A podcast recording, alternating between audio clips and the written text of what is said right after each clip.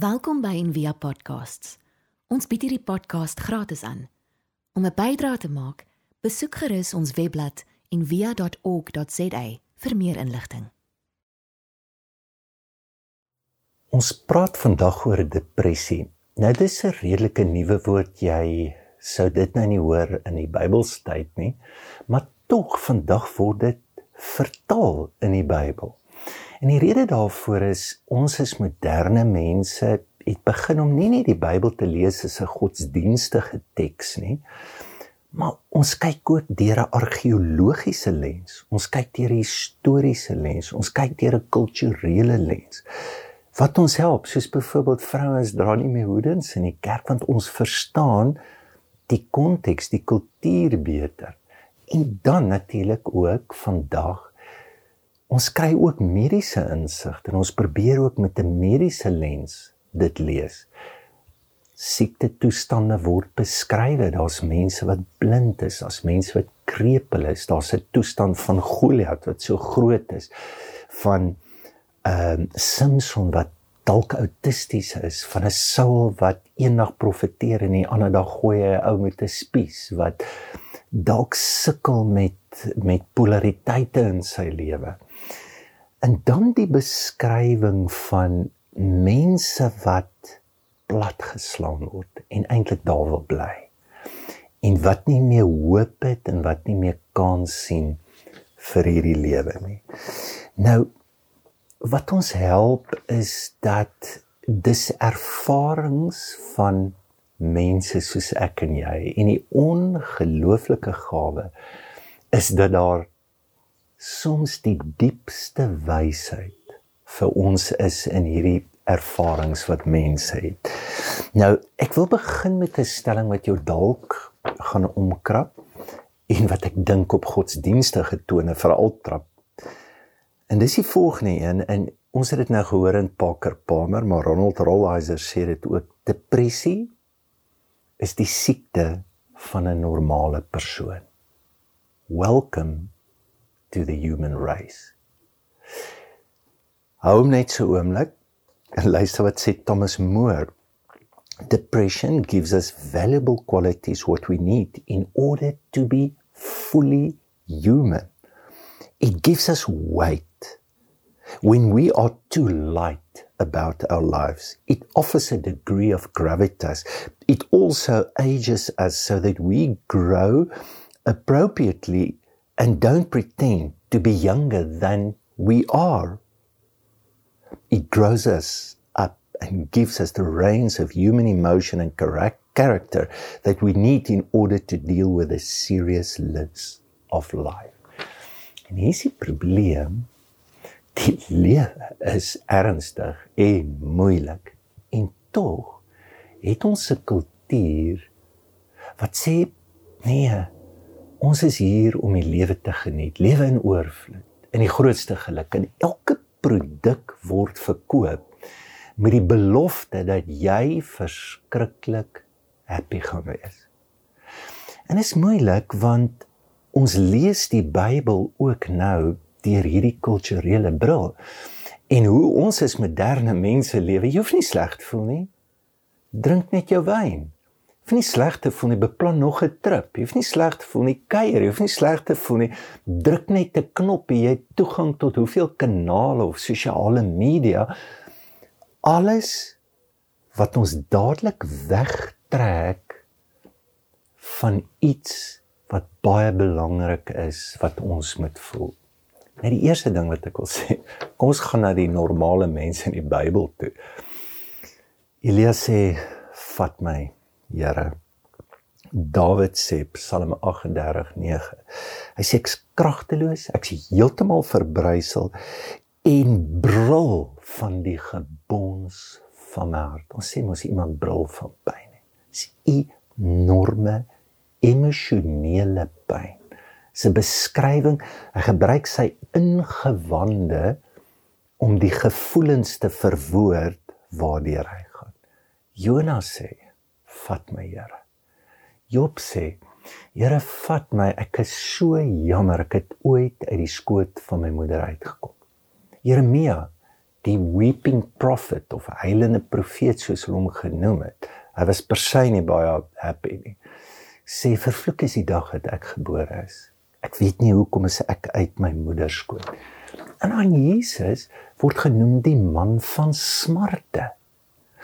En hy moet kniel in Getsemane. En Getsemane is 'n oorwinning waar hy begin koor dans en almal bly kry om hom nie is die gawe wat hy ontvang van bloed sweet om in die kruis in te gaan sodat hy by die opstanding kan kom.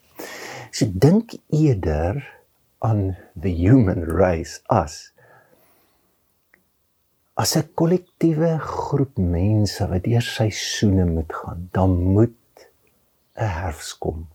Dan moet 'n winter wees sodat daar 'n lente kan kom en 'n somer kan wees. Net uit ons gedeelte uit dalk net 'n vinnige opmerking. Ehm um, Die Here vra vir Elia, "Wat soek jy hier?" So dis die eerste stem wat jy gaan hoor is isoleer jouself. Kom eenkant. Sny los. Jy's nie lus vir mense nie. Is jy jy wep jou toe binne die pyn en die stemme wat jy hoor. En die Here sê vir hom: "Wat soek jy?" En dan sê die Here vir hom: "Staan op." En die Here sê vir hom: "Staan op. Doen iets." Wanneer ons na hierdie plek toe gaan, wat het jy nodig? God wil hom terugsit by mense. En ongelukkig, ons lewe in 'n samelewing wat wat dit so fake van hoe happy ons is dat jy voel amper skuldig as jy hierdie gevoelens het. In ons lewe moet skaamte. Vir wie vertel ons dit? Vir wie kan ons sê wat ons werklik diep dink in ons gedagtes en dis hoekom ons, ons ons wil nie eens hierdie goed noem wat ek nou vir jou gelees het hoe hierdie geloofshelde gevoel het ek bedoel dit is down in out ek kan dit daarom nie noem Ek sal miskien noem ek voel nie nou goed nie. Die Here help my. Ons rasionaliseer depressie in ons lewende tyd met die hoogs gerasionaliseerde ontkenning van dit wat eintlik vir ons 'n gawe wil gee in daai pyn. So wat moet jy doen? Jy moet hulp gaan. Jy moet opstaan. Kom weg van die plekke waarin jy jouself toeweb, sy eerste ding. Tweede ding sê die Here ook eet. Ek glo daar's 'n diep verband tussen hoe jy voel en wat jy eet. En ek is nou nie hier soos van hierdie televisiepredikers wat um, as hulle bietjie oorgewig is, dan het hulle ook 'n boekie wat hulle verkoop van 'n dieet wat hulle glo in die Bybel gekry het. en ek dink wat jy kan doen is luister na jou liggaam. So binne dit sal jy weet jy sal voel wat met jou gemoed gebeur en ons weet dit sekere kosse is nie goed vir jou gemoedstoestand en veral as jy daar is. Dis net so op die kantlyn. Ehm um, so hier's 'n groot groot stem wat jy moet hoor. En toe Elia sê, Here, vat my lewe weg, toe gee dit ook weg. Wat is die stem wat hom gebring het na waar hy nou is? En is die volgende woorde: Ek is nie so goed soos my voorouers nie. Stop, wag, wag, wag so 'n bietjie. Dis 'n belangrike ding hierdie. Want my en jou lewe loop op hierdie pad. Dis net natuurlike menslike ontwikkeling. Ons groei op en ons idealiseer mense. Ons het ook 'n ideale self wat ek so graag wil wees. En baie keer ons mimiek. Dis maar wat ons doen. Dis hoekom kultuur en mense, ons lag baie keer as ons na 'n sekere streek toe gaan. Mense lag weer as hulle na Stellenbosch toe kom. Want ons sien mekaar en ons word mekaar, ons idealiseer mekaar, ons word soos mekaar. En dit is nie verkeerd nie, dit help ons om te voel ons is iets, maar hier is die probleem. Daar kom 'n tyd in jou lewe en dis miskien wat ons 'n midlife noem dat daar diep diep werk in jou moet kom dat jy jouself in God moet vind. Rolmodelle is wonderlik. Hulle help, dit help ons met ons ego strukture. Maar die spanning tussen die wat jy projekteer en wat jy wil wees in die lewens the good life wat ons baie keer lewe met mense vir mense saam met mense is nie noodwendig die diep lewe wat jy self het. Jy kan soos Elia dalk was daar profete wat hy geïdealiseer het en jy moet hom op die berg sien. Hy's so met cheeky. Hy roep goed, hy sê goed. Hy en seker sy mannerisms was so dit wat hy geïdealiseer het en dit kan hom dien, kan hom help. Het vir 'n tyd lank goed gevoel oor homself. Maar dan moet iets gebeur in my en jou en dis dalk die grootste gawe wat emosionele pyn vir ons bring is om te val in ons ware diepste geskaapenheid. En dit was Elia se pad vorentoe. So ek wil vandag as ek dit kan sê dat dit dalk jou vriend kan wees. En soos wat Parker Palmer gesê het, there's a crack in everything in jou. En hy's donker. Maar wil jy nie toelaat dat die kraak die lig laat deurkom en dit kom deur omdat jy eerlik is? Omdat jy dit verwoord, omdat jy opstaan en wegloop van jou alleenheid na mense toe. Na God gee ook professionele mense wat kan help. Dat dis wat jy doen, dat jy omgee vir jou liggaam. Maar ook dan in 'n gebed in my verhouding met God het jy al gehoor Dawid aanvaar nie hierdie stem wat vir hom sê want jy's nie so goed soos jou voorvaders nie. Al sien wat Dawid doen. Hy sê siel wat buig jou neer in my?